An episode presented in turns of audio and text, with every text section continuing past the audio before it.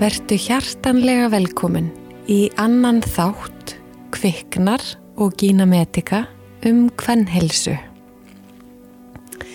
Í dag ætlum við að spjalla um leghálskimanir og bólusetningu gegn HPV veirunni. Mjög aðteglisverð þáttur sérstaklega góður fyrir, uh, já, bara svona byrjandur í þessari umræðu eða líka þær sem að hafa mikið verið að velta þessum hlutum fyrir sér. En þátturinn er í bóði bíoköld og ég er mjög þakklátt bíoköld uh, artasan fyrirtækinu fyrir að styrkja vinslu á þessum þáttum um hvern helsu sem að uh, ég sem heiti Andrei Eiland uh, og held yttar um kviknar Instagram uh, og kviknar hlaðvarpi. Og Hanna Lilja sérnámsleiknir í hvern sjúkdóma og fæðingarleikningum og hún er með Instagram sem heitir Ginametika Bíoköld er sérst að styrkja vinslu á þessum þáttum. Og ég ætla bara að vera alveg heðileg við ykkur Ég ákvað fyrir tæpum mánuði síðan að byrja að taka Bíoköld Mind.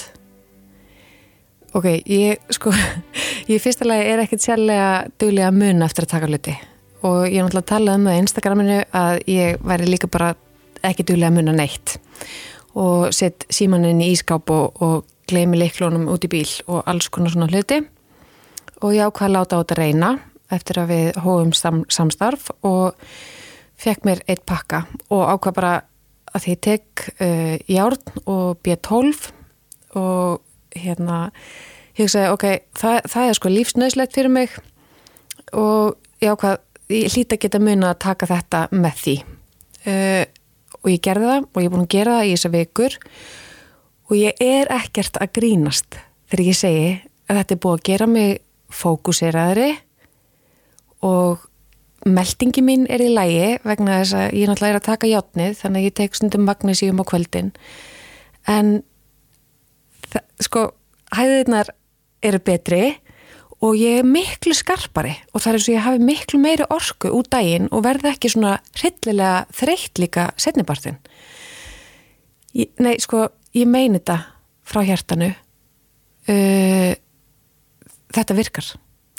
Og það sem ég ætla að gera því ég sá að fylgjendunum mínir hafa uh, líka, hefur, hefur líka fundist þetta virka, en hafa sérstaklega tekið eftir þegar þau hætta að taka þetta. Og ég ætla að gera það núna. Þannig að ég er núna, sko að því ég er svo á meist yfir þessu að ég er bara vall að trúa því. Þannig að núna ætla ég að taka smá pásu og aðtöðu hvað gerist og segja ykkur þá frá í þriðið þættu um hvern helsu uh, hvernig það hefur gengið fyrir sig. Að því ég er bara skarpari ég er uh, orkumeiri uh, meldingi mín er betri. Og þú veist, að því að svona fræðilega um þetta er, þetta er sérst örveru blanda og hún er hönnu fyrir meldingaveg og hugræna virkni og þetta eru góðgerðlar og vilt bláber og vinnberi ekstrakt og sink sem er stöðlar að hérna, eðleri svona vitsmunastarsafi þannig að þetta er, þetta er bara það sem ég ástöldi merkilegt er að hérna, rannsóknir benda til þess að kvillar eins og kvíðið þunglindi streyta og andli helsa geta tekst, tengst ójafvægi í þarmaflórunni. Þannig að það bara make a sense að þú farir og kaupiði pakka að bíoköld út í apotekki og prófir og sendi mér svo hvort þetta virki eða ekki. En ég laka til leiður að heyra þáttinn í dag og takk fyrir að hlusta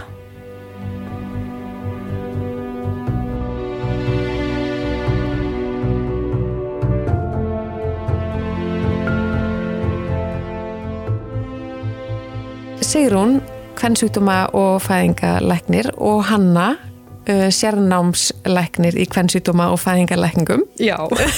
þetta er flott kynninga. Stór, titill. þetta eru, þetta eru stóri titlar sem við erum með. Það er svo hérna gott að fá okkur. Nú er þetta annar þátturinn um kvennhelsu og, og fyrsti sameinlega gesturinn okkar, hérna, mín og þín Hanna. Nákvæmlega. Uh, segð okkur hérna Sigrún, þú, þú ert starfandi Uh, hvern sjúkdóma uh, segið þið viljast bara hvern sjúkdóma leiknir Já, maður stittir það oft. Já, stittir oft, hitt, hitt er svolítið, ránt En uh, þú ert búin að vera í mörg ár í, í þeim bransa.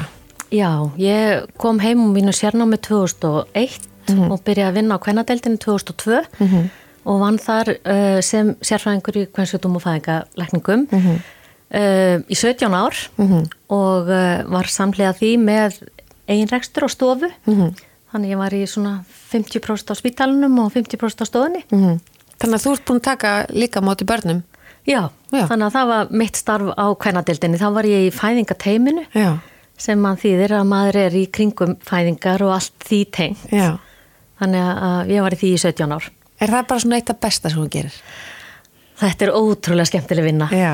og ótrúlega gefandi og ótrúlega krefjandi og bara oft mikið uh, geta verið bráða tilfelli og þannig að maður þarf að vera svona vel upplæður í vinnunni eiginlega alltaf eða alltaf. Það skiptir máli að ykkur líði vel vinnunni. Já, það skiptir mjög miklu máli og, og ég man einmitt að bara þegar maður var að taka vaktir og þegar maður var að, að, hérna, að vinna á spítalunum að þá þá svona þegar var helgavakt framundan þá var maður svona svolítið kvíðinn fyrir vaktinni en svo bara einhvern veginn alltaf þegar maður fór á stað þá var alltaf gaman. Já.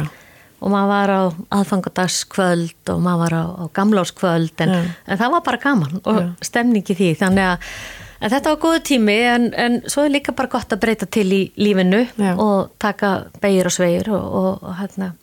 Þannig að ég ákvað fyrir tveimur árun síðan að segja skili við spítalan -hmm.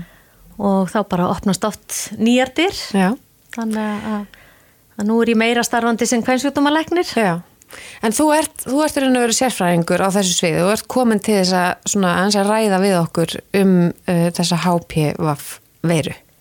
Já, Já. Ég vona að ég geti frætt um það Já. og, og mikilvægi þess og, og hérna við ætlum að ræða um leghálsskimanir Já. Og mjög mikilvægt málefni og Já. mikilvægt að kynna vel út af hvað það gengur. Já. En leghálsskimanir eða leghálskrafminskimanir Mhm. hafa verið á Íslandi í tæp 60 ár. Mhm. Þannig að hérna, fyrsta sk- skimunin hóst 1964. Þannig að þetta er orðið ótrúlega. Vá. langu tími og, og hvað menn vissu á þessum tíma og Já. gátu aðhafst, það er náttúrulega alveg merkilegt. En, en auðvitað er þetta eins og allt annað, þetta breytist og þróast. Mhm. En leghálskrabbaminn skimunin, hún byggir á því að greina forstið á krabbamenni Mhm. og það er ekki mörg krabbamenn sem að hafa forstig. Nei. Þannig að langa oftast þá greinur krabbamenn og, og það er vonandi greint á, á byrjunastíði þannig að sé hægt að lækna það. -hmm. En með leghálsin að þá, þá er ákveðið forstig sem hægt er að greina og meðhundla til að koma í vekk fyrir þá alvarlega sjúkdóm eins og leghálskrabbamenn. -hmm.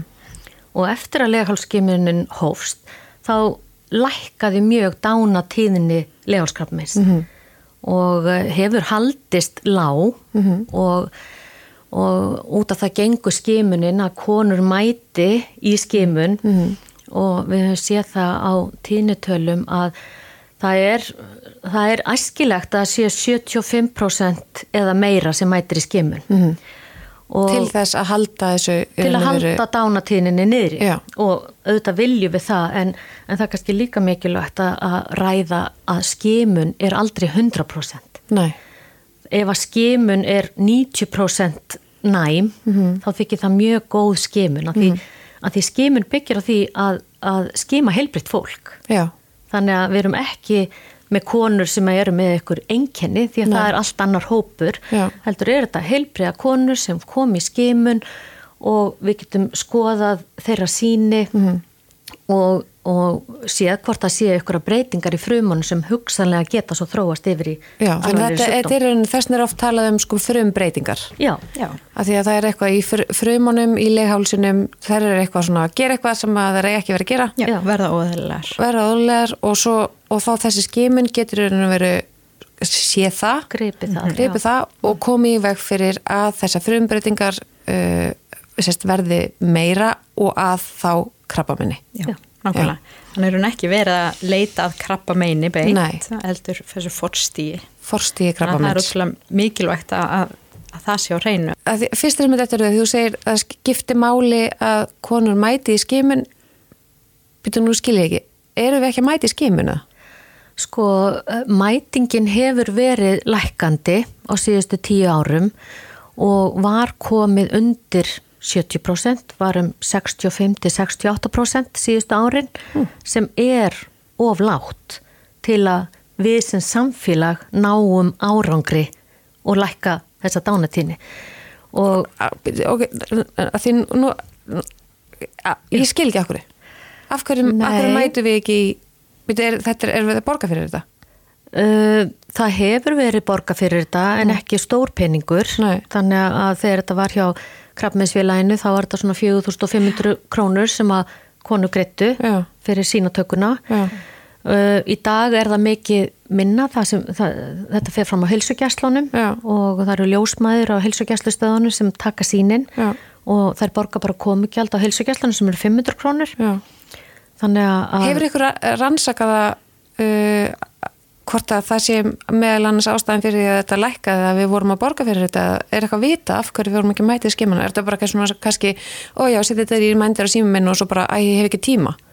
Já, Veit ég held að sé svolítið svo list. Það, það er bara ákveðin hópur sem að einhvern veginn bara sinnir ekki svona lífheilsu eða forvörnum og, og þó svo að fólk fái áminningabref og endur tekin áminningabref þá er bara ákveðin hluti af fólki sem að það, þykkur það ekki Já.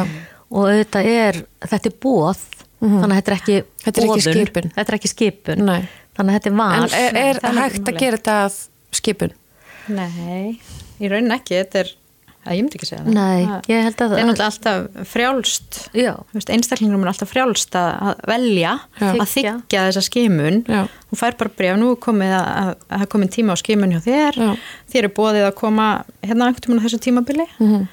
og svo þarfst þú náttúrulega að panta tíma og mæta og, mm -hmm. og minna sum vex bara ótrúlega augum að bara fara í svona hvern skoðun mm -hmm. finnst það bara ræðileg tilöksun mhm og svo eru sumir sem tala um að það sé svo vant og finna til þegar að tekið svona, þetta strók, mm -hmm. þetta er svona lítill bursti sem er rispar aðeins þetta er svona pínu mhm. skrítin tilfinning sko. mm -hmm. þannig að það er bara sumir sem ráða ekkert við þetta eða mm -hmm. vilja bara ekki gera þetta Er alltaf þessi hægt að hjálpa þessum konum eitthvað fyrir ekkar?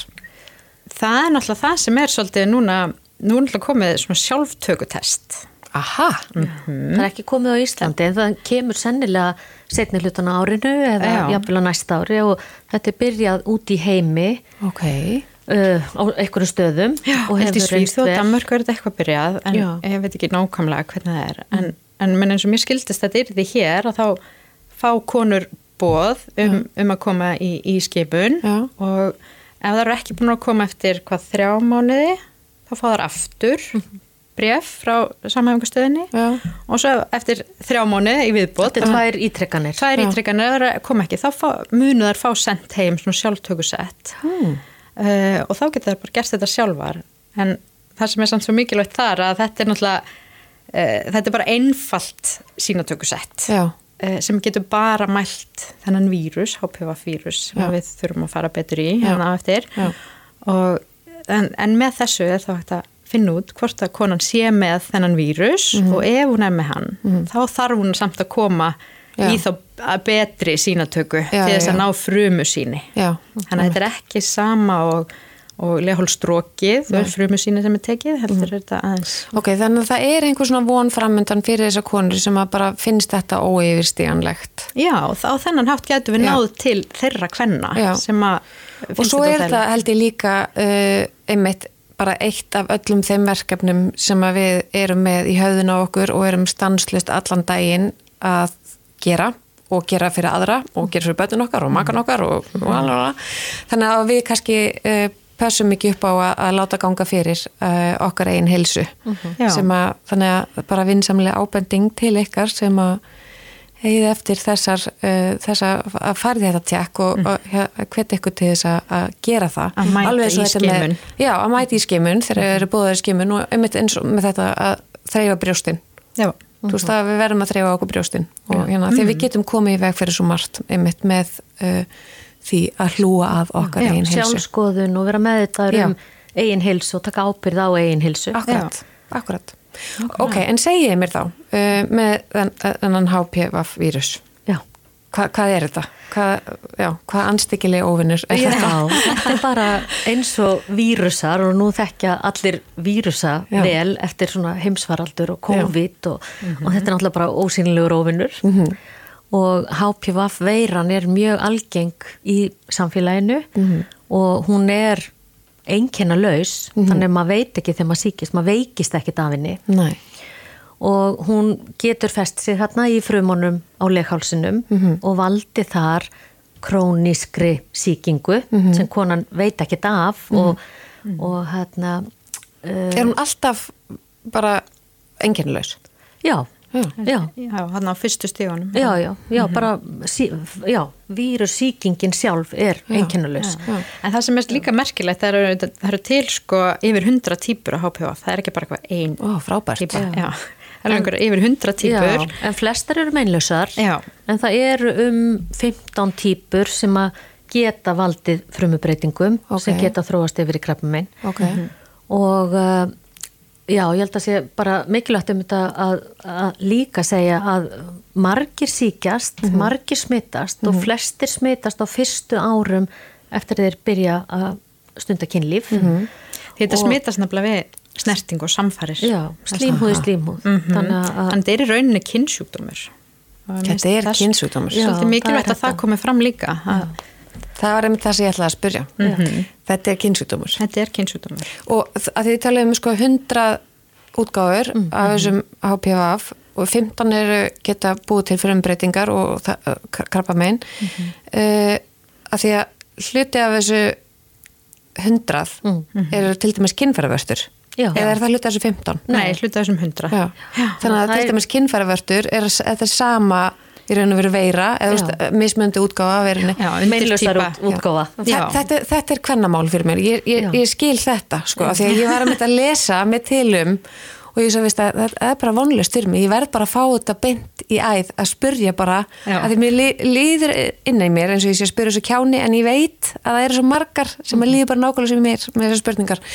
Þannig að ok, Já, þá skil ég þetta. Mhm. ok, En, og það er náttúrulega líka eins og með bara vírusa almennt, þú getur bara smittast einu sinni af vírus, eða þú veist, þú færð bara eins og hver vírus eða eitthvað, þú smittast og veikist Já. og svo myndar ónæmiskerfið eitt mótefni Já. gegn þessum vírus Já. og þá færð ekkert aftur akkurat þá típu, ah. veist, ef, að, ef að líka er búin að losa þig við þessa sýkingu og það er að sama með, með HPV-vírusin, að ef þú smittast af einhver einni típu Mhm.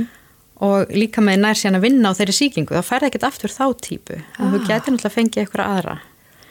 Og hérna því það er hundrað um að velja. Það eru hundra um að velja Já, já, já, en, Já. en út af því að þetta er þú veist, smitast við, við uh, samfærir og eða snertingu á kynfærasvæðinu þá okay. vírusum getur verið á í raun öllu nærbúksna svæðinu. Ok, og, hérna, og smitast þannig. Ok, þannig að þá erum við líka að tala um munnmögg líka munnmög, já, Já. Og þess vegna að því að ef að til dæmis manneskja, karlmaður eða kona er með HPV-vírusin til dæmis í munni eða hálsi eða eitthvað og á síðan munnmögg við aðra mannesku án Já. varna að þá getur svo manneskja fengið HPV-vírusin í kynfærin. já, og öfugt. Slímhúð slímhúð. Veist, kona með, eða maður með HPV á kynfærasvæði og svo er Er munnmök og þá getur hinn aðalinn smittast í munninn. í munnin og það er hægt að fá krabba, HPV krabbamein í hálsin þannig að þetta er náttúrulega Já. elkin. öll kyn En það er mikilvægt líka að ræða það að flestir sem fá HPV veirusíkingu lækna sér sjálfur. -hmm. Þannig að þú færði í því síkinguna, veist ekkert af því -hmm. og svo kannski færði í leghálstrók og greinist með ykkur frumubreitingar og þó þú sért komið með frumubreitingar þá eru allar líkur á því, það er mikið meira líkur á því heldur en ekki að þú læknir því sjálf. Og þess vegna þegar þú greinist með frumubreitingar að við greinum það sem lág áhættu frumubreitingar eða há, hágráðu, lágráðu eða hágráðu Ok. frumubreitingar. Ef þú ert með lágráðubreitingar þá er bara eftirlit aftur eftir 12 mánuði Ok. og þá gefum við líka manni sjans á að lækna sig sjálfur. Ah, En ef maður er komið með hágráðubreitingar þá viljum við frekar í rannsók sem að kallast leghálsspeglun Ok. til að skoða þetta betur Ok. og taka vefja síni, svona klípu síni af leghálsinum til þess að greina stíið Já. svona í vefjagreiningu, ekki bara í frumu stróki. já, já. Þannig að, að og, og þó svo sért komið með hágráðubreitingar þá eru ennþá ágættist líkur á þú lækniði sjálfur og Magna. þess vegna fyrir svona, ég held að sé um tíu ára síðan þá breyttu við skimunni og kannski mikilvægt líka inn á það að skimunar aldurinn Já. er frá 23 ára aldri Já. til 64 ára ok, þannig að hver kona í dag fyrir skimun svona 10 til 12 sinnum á sinni já ævi Já. eða á Þessar- tímabili. Áður fyrr þá voru við að kalla konur inn frá 20 ára aldri Mhm. En svo var ákveðið að færa þau upp í 23 ára aldur því að ef þú byrja 20 Mhm. þá ertu með fleiri konur með frumubreitingar heldur en ef þú byrja 23 ára þannig að en flestar af þeim lækna sér sjálfar Mhm. og ef þær gera það ekki og greinast 23 ára þá náttúrulega breyðustu bara við því Mhm.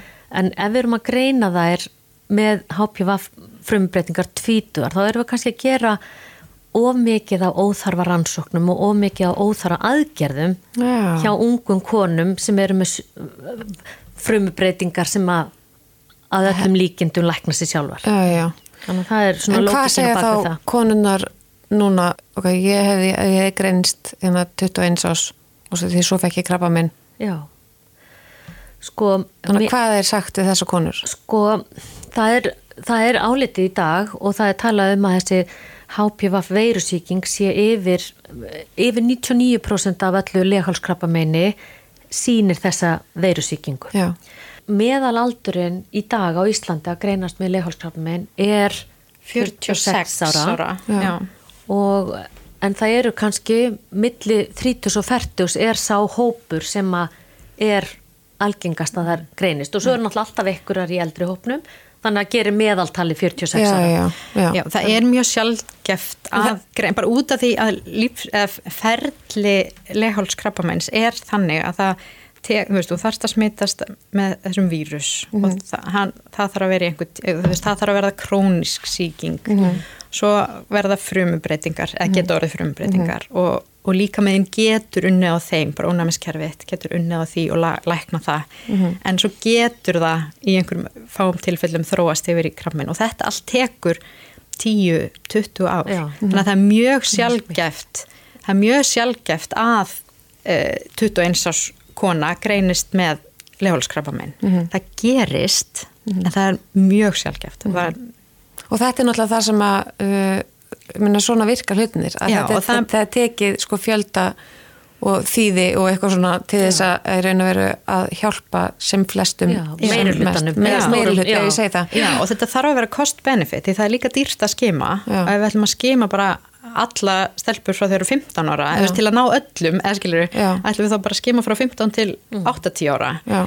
en það er ekki cost-benefit fyrir uh, samfélagið. Nei, einmitt. skilur þannig að Já, þannig að það er líka einmitt, já, eins og við sagðum áðan svo mikilvægt að hugsa til þess að þú veist, við erum að bjóða öllum konum á ákveðnum aldri, þannig út af það gengur skimun og hérna og vonust til þess að það er mæti og, og, og hérna Ég held allavega að allar þær sem að hlusta þennan þátt minnum bóttið mæta. ég, ég vona það Ég treysti okkar hlustandur sem það er smá markmið. Já, það er náttúrulega markmið að ná mætingunni allavega yfir 75% Já. allt, allt fyrir ofan það er bara frábæra árangur Mhm. en það er það sem að, að svona gæða vísar Evrópu leiðbenningana Mhm. segja það að við þurfum að ná 75% eða meira Já. Til þess að er- samfélagi sé að græða á því að bjóða upp á þessa skimun Ok, annars er þetta bara ekkert að borga sér Nei, einmitt. fyrir samfélagið einmitt. uh, hérna, Þannig í raun og veru, þur, þur, þurfum við, þetta snýst líka um að bara nota smokkin. já, smokkurinn ver að einhverju leiti Já. uh, en eins og ég sagði á þann þá Já. er, getur vírusin verið allstaðar á nærbuksnarsvæðinu í rauninni þannig að það er líka bara snerting uh, á hú- húðsvæðinu í kring það, er- að það er ekki bara svæði sem er dekkað af smoknum Nei, þannig að að það er ekki almennt er mælt, mælt með því Nei, er- smokkurinn er ekki 100% vörð gegn HPV-sýkingu. nei. Nei, alls ekki En auðvitað er mælt með að nota smokkin. Þannig að í raun og veru uh, hættið að kela og ríða. alveg þannig Nei. Og hættið að þetta í sleik.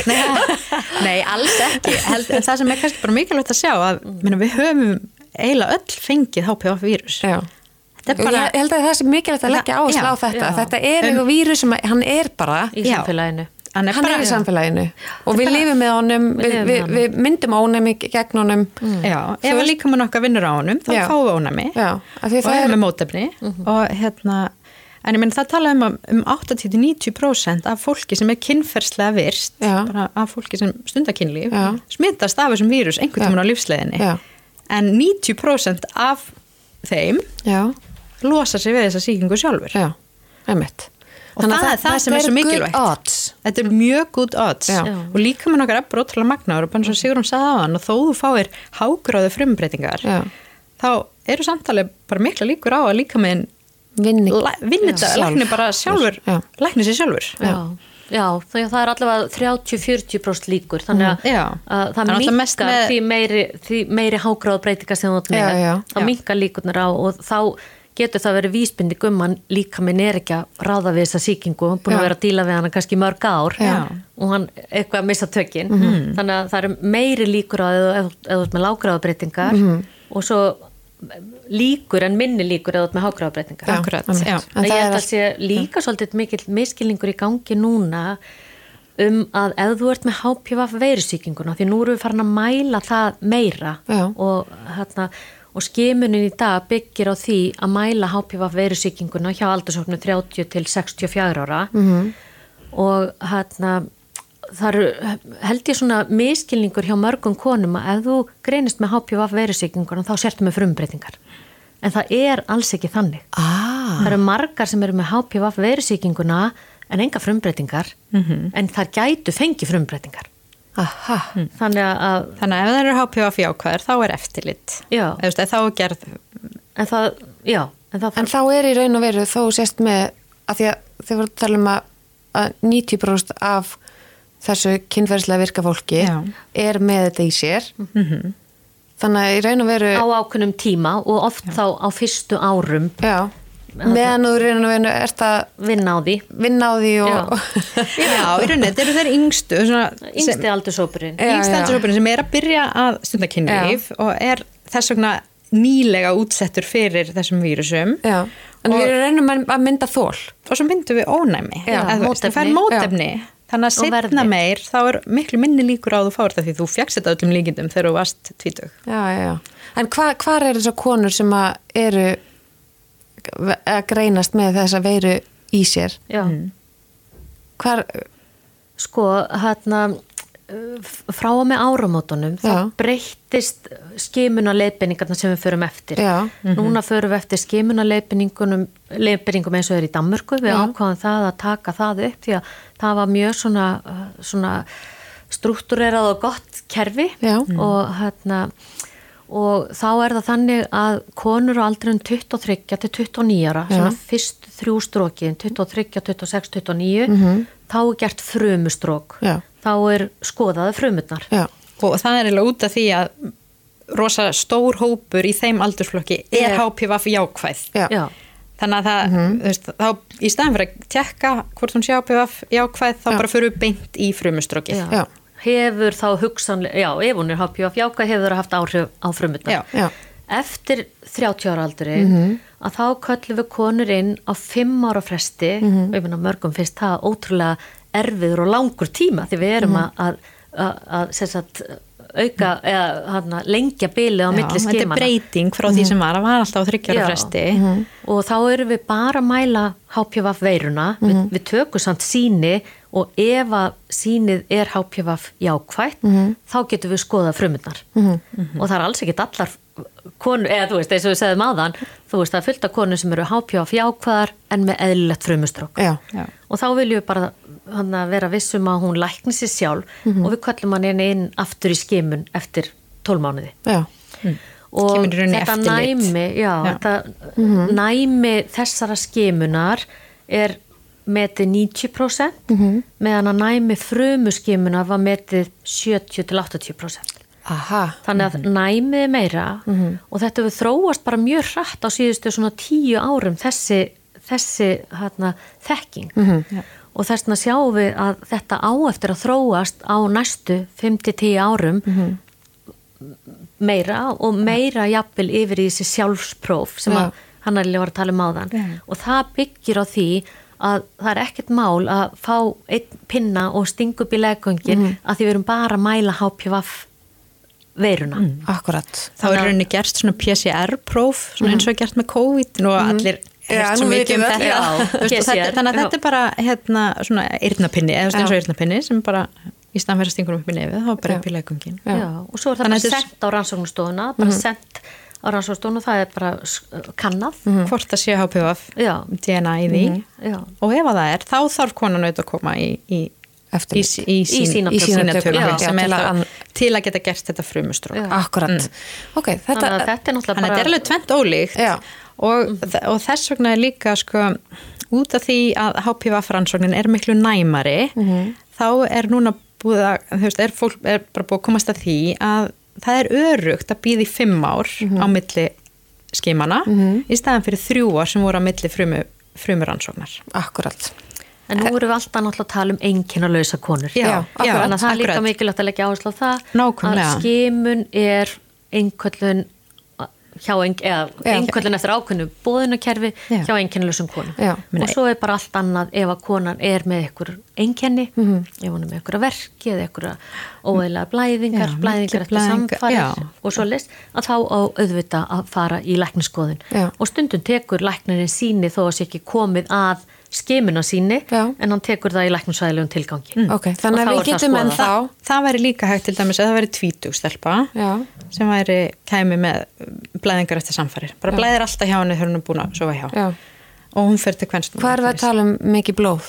þá eru það oft bara svona svolítið eins og svona milli blæðingar svona bletta Já. blæðingar Já, bara svona ljósrautt eitthvað. Já, fest. Fe- já, svona ferst, já má Ok. rosa. og þú veist, þá myndum að fara í skoðun og ef það er metið þannig þá er, er alveg hægt að taka lehálstrók Já. þá þó hún sé í rauninni ekki komin inn í skimunaraldurinn Já. Já. þú veist, því þá er það í rauninni einkenna eh, rannsókn en Ok. ekki skimun Ok, skilur við Má, mér finnst þetta mjög skýrt.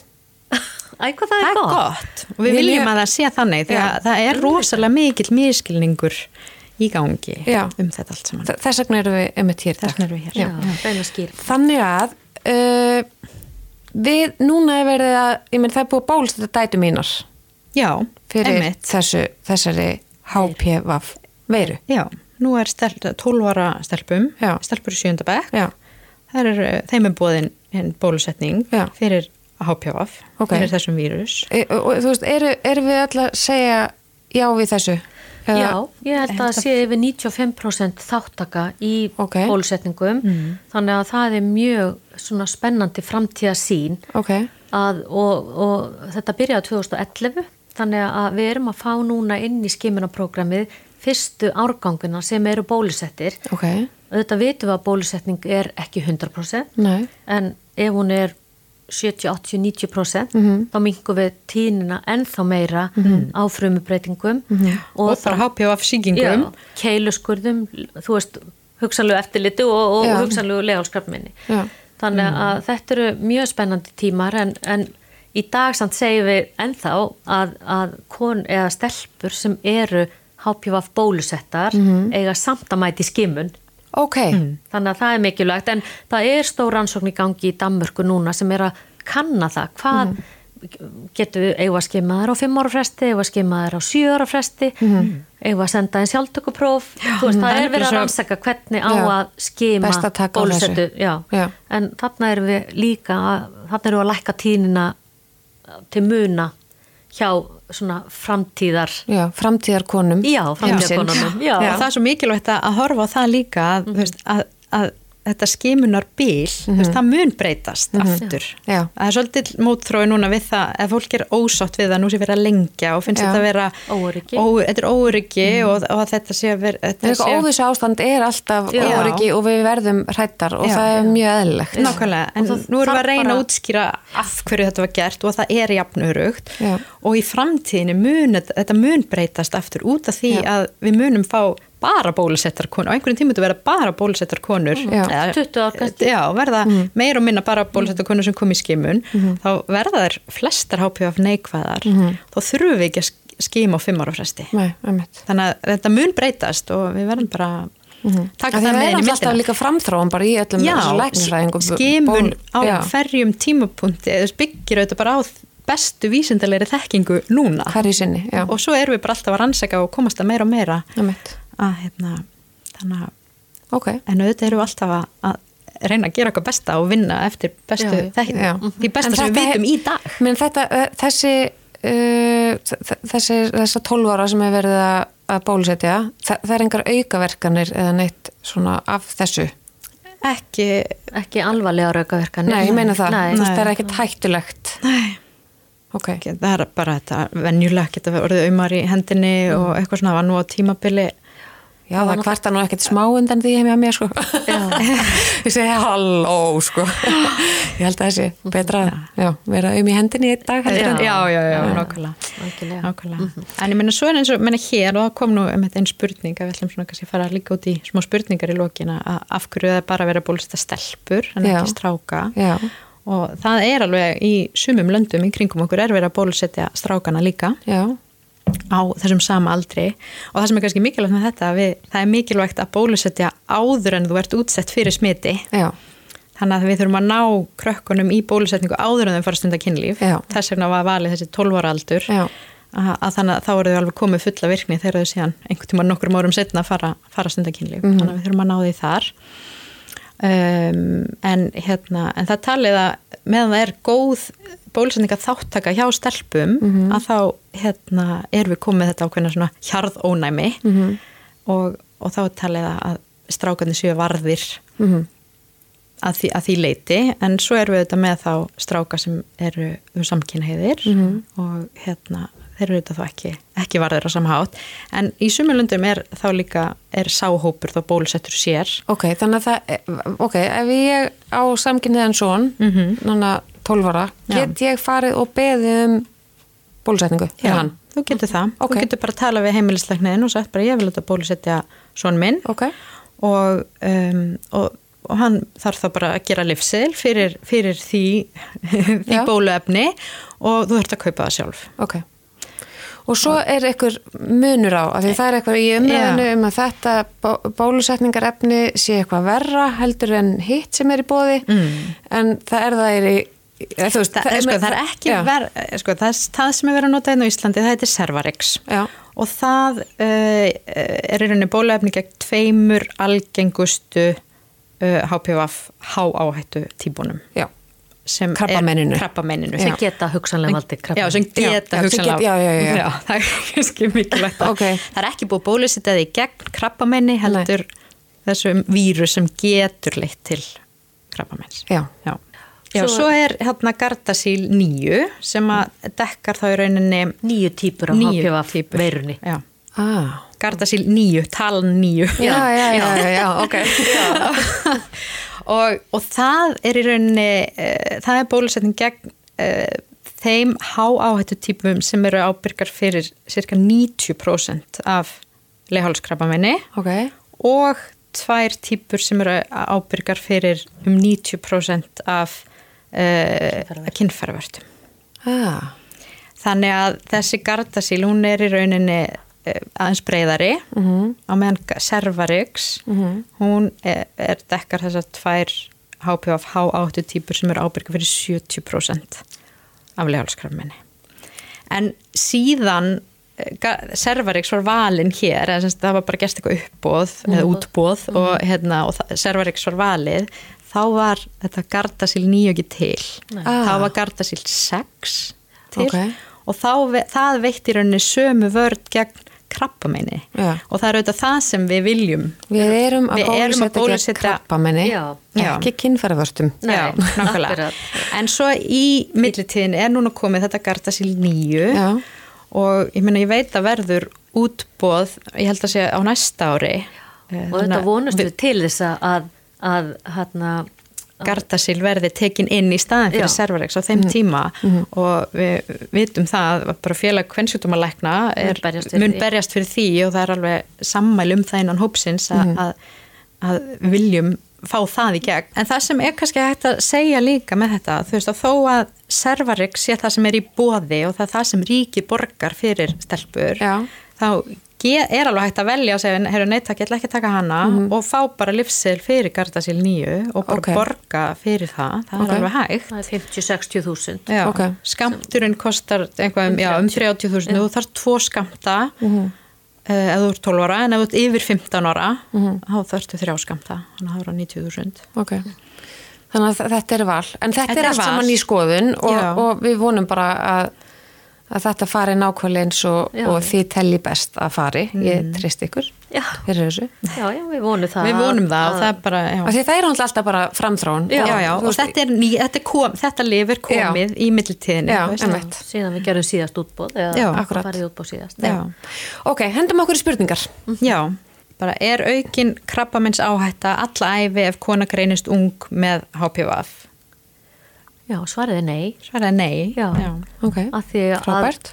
þú læknar þig sjálf að öllum líkindum Mhm. að HPV veirunni og ef þú læknar, læknar þig ekki sjálf og færð frumubreitingar og síðan alvarlegri frumubreitingar að þá er líka meðferð eins og keiluskurður er meðferð við alvarlegum frumubreitingum Mhm. til að koma í veg fyrir að þú fáir krabba minn. Mhm. Þannig að kona sem hefur farið í keiluskurð, hún er heldur ekkert í áhættu hóp alla æfi. Nei. Hún er búin að fá lækningu við sínum hágráðu breytingum.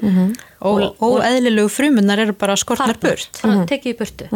Og langflesta konur eru með eðlileg frumustrók eftir keiluskurð en auðvitað eru þar í þjættari eftirliti fyrsta eftir þar til að við teljum það þær vera komnar í öruga höfn. Og þá eru þær ekkert í aukinni áhættu setna á æfinni eða eftir 5 eða 10 ára að fá afturfrumbreytingar, þær eru bara sömu áhættu og allir og næsta kona Já, skil.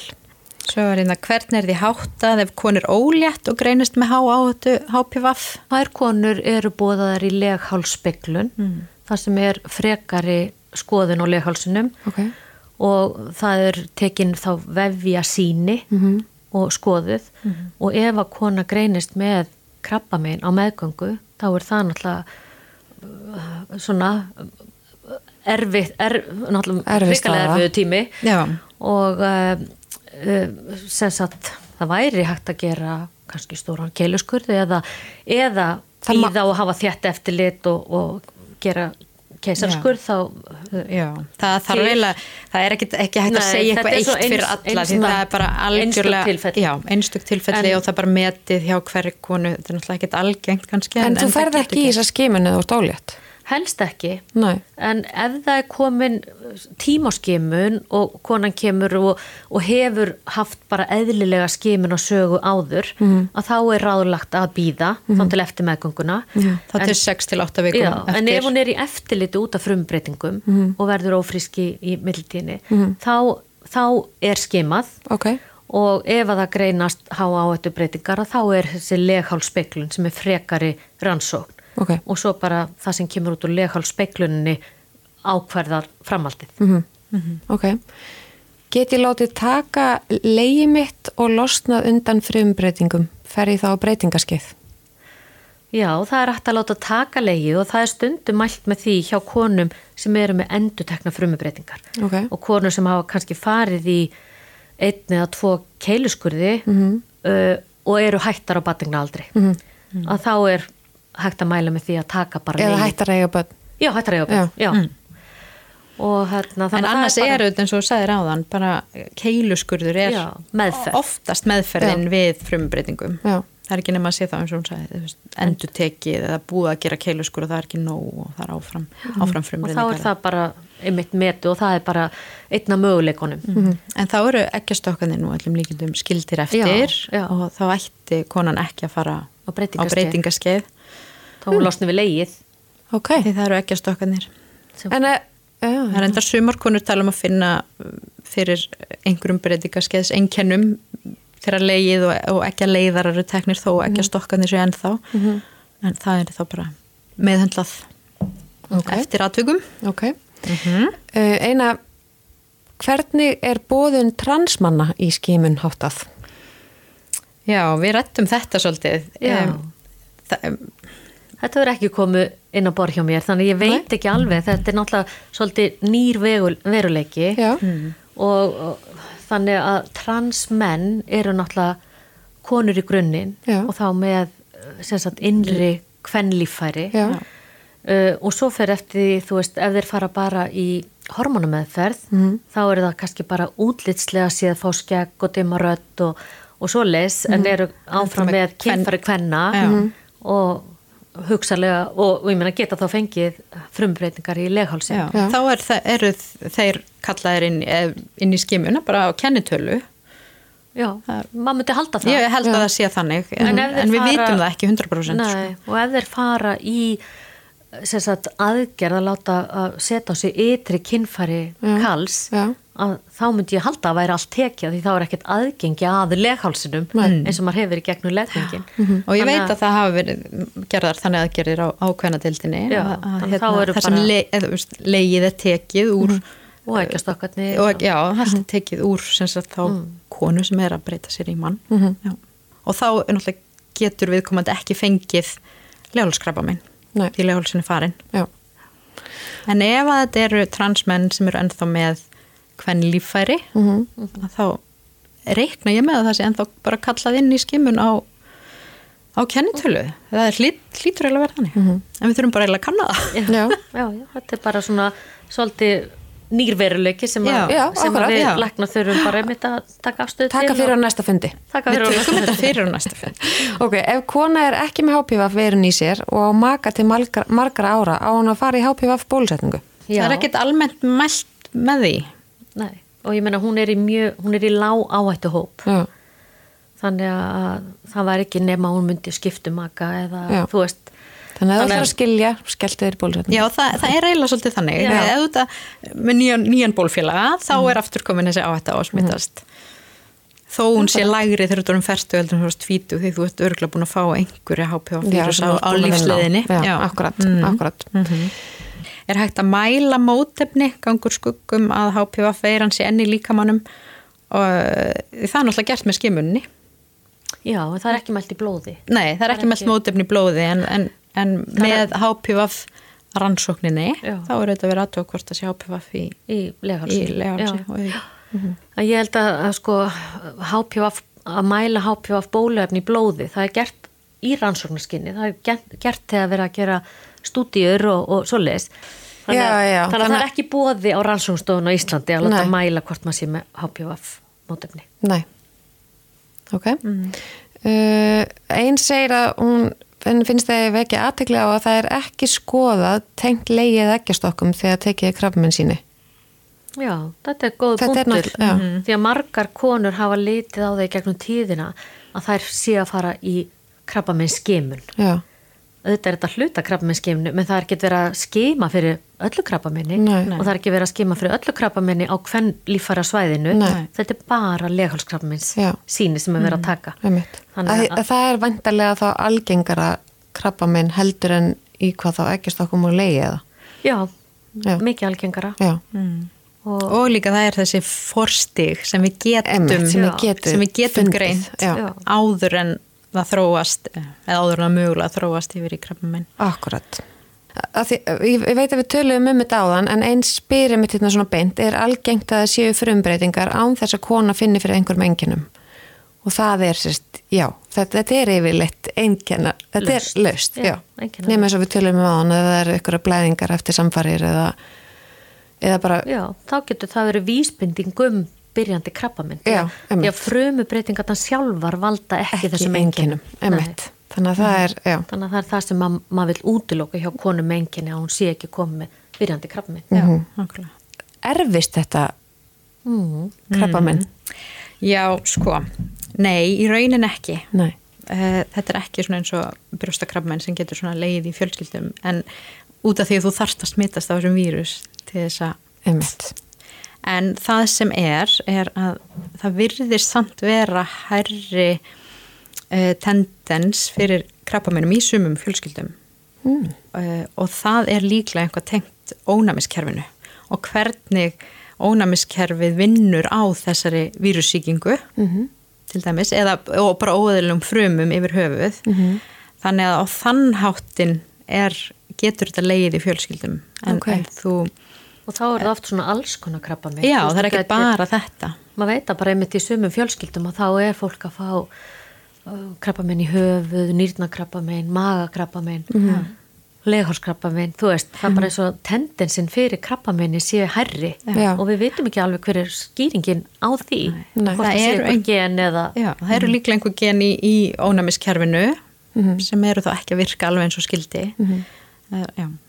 Ok. en þetta er mm, svolítið svona bara verið að rannsaka þetta allt. Og það er ekkert Ok, ég held að við séum bara, við veist þetta bara allt, já, einu segir náttúrulega allt og af hverju veit engin neitt um þetta? Já, já, já, það er svo gott. Ég vona þessi kona hlusti. Einmitt. Alveg og hlusti tvisvar kannski. Já, Einmitt.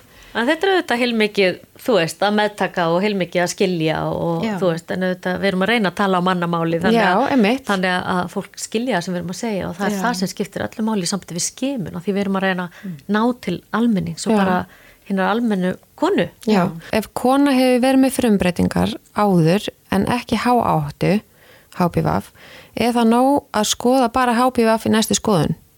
Gætu þessar frumbreytingar ekki þróast? Lág áhættu frumubreitingar geta þróast yfir í há á, eða þetta, þetta er þróun og breyting á frumunum á löngum tíma, Já. en ef hún er HPVF neikvæð, Já, að þá er þetta í rauninni metið sem eðlilegt síni já, og það var eins og krabbminsfélagi gerði, þú veist, ef þú varst með frumubreitingar, lága áhættu frumubreitingar þá var gerð HPVF mæling og ef hún var neikvæð, þá komstu, varstu bara kölluðin aftur samkvæmt skimunarprogramminu. já, Þannig að það er metið sem eðlilegt, Já. lága áhættu breyting með ne neikvæðu HPVF já. síni. Já. Ok, Er kannski ágætt að tala um það að það eru tvennskonar krabbaminn skimanir í bóði á Íslandi og það er náttúrulega þessi leghálskrabbaminn skimun sem við erum búin að vonandi að gefa góð skil. Já. En svo er líka brjóstaskimun og hún er náttúrulega svolítið öðruvísi. Það er annar aldurshópur þannig að við byrjum 40 ára með brjóstaskimun og það er upp í 75 ára og konur eru bóðar á tveggjára fresti og með brjóstin þá erum við ekki að leita að forstíi því að það er ekki til forsti fyrir brjóstakrabbameini. Nei. en við viljum náttúrulega grein, greina brjóstakrabbamein áður en konan finnur einhver einkenni og greina það á frumstíi og út af það gengur brjóstaskimunin að taka myndir af brjóstinu og sjá hvort það sé einhverjar breytingar sem hægt er að greina og, og, og meðhöndla áður en konan finnur einkenni. Áður en- þannig að, að Já, kemst að herra stig eða, eða dreifir sér já. eða þess að já. og það hver er eru einkenni? uh, sko brjóstakrabba minn er oftast einkenna löst, það er nefnilega málið. Þannig að en, en, og kona sem finnur hnút í brjósti að það fer náttúrulega svolítið eftir aldri en ungar konur sem finna hnút í brjósti segjum kannski 35 til 40 ára eða þú veist, yngri aldursópurinn þær eru oftast með góðkynja þó þar finnir hnút, þá Ok. er hann oftast góðkynja, þá Ok. er þetta eitthvað bladra eða góðkynja breytingar, en auðvitað það þarf alltaf að skoða hnút í brjósti, þannig að það þarf alltaf að útiloka hvort hann er. Ok, nú velti ég fyrir mér að þú tala um hnút í brjósti. Já, Þú veist, meina, þegar ég þreif á með brjóstin, það finnst mér að vera bara allir í ykkur svona, hann er Já. bara allir í ykkur svona, en þess að segja við við konur að, að þreyfa sig reglulega, Já. þá lærur þú svolítið á þín brjóst já, hvað talar um reglulega? ekki hverju mánuði, ég held að Ok. það gerir, en, en ef að konur vilja vera, þú veist hérna, ef þær vilja skoða sér reglulega þá er best að gera það eftir blæðingar, Já. konur sem eru á blæðingum Já. því þá er að því fyrir blæðingar er oft svona hormonabreitingar í brjóstvefnum sem svo bara lagast við næstu blæðingar Já. mismöndi hvað konur eru næmar fyrir þessum já. þannig að best að skoða sér beint eftir blæðingar Ok, og ef maður vill, þú veist, og, og bara læra á sín brjóst. Já. því að þú skoðaði þig reglulega Já. að þá finnur þau ef að verður eitthvað breyting. Eða, og svo, þú veist, þið finnst brjóstin bara nögrót og þetta er mismunandi hvað auðvelt er að skoða brjóst. Já, já, með stór lítil og Já, veist og, og, hérna, og ef þú finnur bara innspáðu megin þá er mjög ólíklegt að það sé eitthvað alvarlegt Já. því að þá er það sennilega en ég bara svona, já, svona, já, ég minna það, svona br- brjóstkirtlar, ég minna eins og hnútur Já. sem að konur finna sem að eru síðan möguleg vísbendingu um eitthvað krabbamein. Er hann, það er þá svona bara alveg eins og ber það er eins og og ber. og hart. hart. Hart, glerhart. já, já, það er hart Of, já. já, harðara alltaf, já. já, það er hart Og viðkomandi en, En en, svo- verður, konu illt? Nei, oftast, oftast finna þetta bara algjöru tilviljun. Já. Eru bara í styrtu og eru bara þó sér og finna bara eitthvað nút en oftast hafa það ekki haft neina enginni eins og verkið að stingi eða eitthvað svolítið. Hreyfist hann? en meira svona fixeraður ef, ef það er alltaf að koma í langt Já. Það fyrir eftir í ákvæðast í hennir. já. En allavega þá fer brjóstaskimun í dag, hún Mhm. fer fram, uh, landsbytalinn sér um brjóstaskimun Mhm. og brjóstaskimun fer fram á brjóstamiðstöðinni Mhm. sem er á Eiríksgötu 5 og kallast Eiríkstaðir. Þetta er svona göngudeildarhús landsbytalans og þetta opnaði núna 12. apríl þannig að þetta er frekar nýtt þannig að konur þurfa svolítið að læra að fara á nýjan stað þannig að gegnum árin að það er farið á leitastöðu krabbaminsfélagsins og, og það var sagt, skima þar fyrstu þrjá mánuði ásins en svo var flutt yfir á þessa nýju brjóstamistu sem er á Eiríkstöðum Vá, hvað mér finnst komin tími til að Að vera miðstöð fyrir brjóst. Já, og þannig er bæði Geggjað. Já, það er skimun og það er göngudelda meðferð fyrir konur með brjóstakrabbamein og þarna vinna líka brjóstaskullæknarnir þannig að það er, er allt heimi kringum brjóst og, og Vá, þetta er geggjað. Til hamingi, ég trú ekki að ekki vita af þessu. Okkur er enginn búin að segja mér frá brjóstapartíinu. Okkur maður er ekki bóðið. Ég veit það, við þurfum að auðvist þetta betur það er og við þurfum að, víst nógu vel. Nei, við þurfum að koma þessu Við gerum það hér með. og, og maður panta sér tíma í brjóstamyndatöku Mhm. þegar þú ert búin að fá bóð já, og það er samhæfingastöð krabbamins skimana sem er á vegum hilsugjastlunar Mhm. Þannig að því það nú er náttúrulega heilsugjastlan líka, komum við nógu vel inn á þaðan. Heilsugjastlan er búin að taka líka veið leiháls. Nei, já, jú, þú sagðir hann nú hérna í Já, það er kannski ágætt að, að ummitt að skoða það, eða ræða það aðeins betur, því eftir. Já. að innan heilsugjastlunar er samhæfingastöð krabbamins skimana Já, og framkvæmdin á legalskrafminskimunum fer fram á öllum heilsugjastlustöðum á landinu Mhm. og hjá hvern sjúkdómalæknum ef konur vel, velja það. já, Þannig að en, en brjóstakrabbaminskimunum fer fram á brjóstamiðstöðinni Já. en bóðunin og samhæfingin fer fram í gegnum þessa samhæfingastöð. já. Þannig að maður pantar tíma Já. hjá samhæfingastöðinni Mhm. fyrir brjóstaskimanir uh, en fyrir leghálskimanir þá pantar bara tíma á þinni heilsugjast Eða hjá hversveitumaleikning sem Eða já, hjá. já, já. Já, emmitt. Þetta er bara svolítið nýtt kerfi og, og það sem konur þurfa að læra Já. á Já. og, og. Kynna okkur þetta. Okkur hvar er til dæmis bara best ef, að, ef við viljum eitthvað lesa okkur meira til um þetta eða kynna okkur, þú veist, við hvernig að tala eða, Sko það er bara mjög góð heimasíða innan heilsugjastlunar, Já. bara inn á heilsugjastlan.is já, og sem heitir hérna krabbaminnskimanir ok, og þar er góð heimasíða frá samæfingastöð krabbaminnskimana ok, og þar er bæði um hvernig maður pantar í leghálskimun og brjóstaskimun og svona almennar upplýsingar. Þannig að það er gott að kíkja á þá heimasíðu. frábært. og svo líka inn á uh, embæti landlæknis. Já, það eru líka bæklingar eða eh, rafrænir bæklingar um bæði leiháls og brjóstaskimin og það er það sem að það er senda út með bóðsbríðanu. Þá senda þær út en að rafræna upplýsingabækling. Hver gerir þessar skimanir á heilsugjastlunni? Já, það eru ljósmaðurnar og ljósmaður og hjókunarfræðingar á heilsugjastustöðunum Já, sem að taka, taka leiðhólstrókin Ok. heim, það er ekki heimilisleiknanir sem, sem gera það. Nei, Eh, þannig að það er í rauninni möguleikarnir eru að fara á heilsugjastluna Mhm. uh, og, og það er þá já ljósmaður eða hjókunarfræðingar sem, Mhm. að, sem að taka þetta strók eða fara til kvenstumalæknis og stofu já, ok. En svona að lokum, bara svo það sé alveg skýrt að þá að HPV veiran, hún er ekki krabbaminn. Nei, Langt frá því. langt frá því.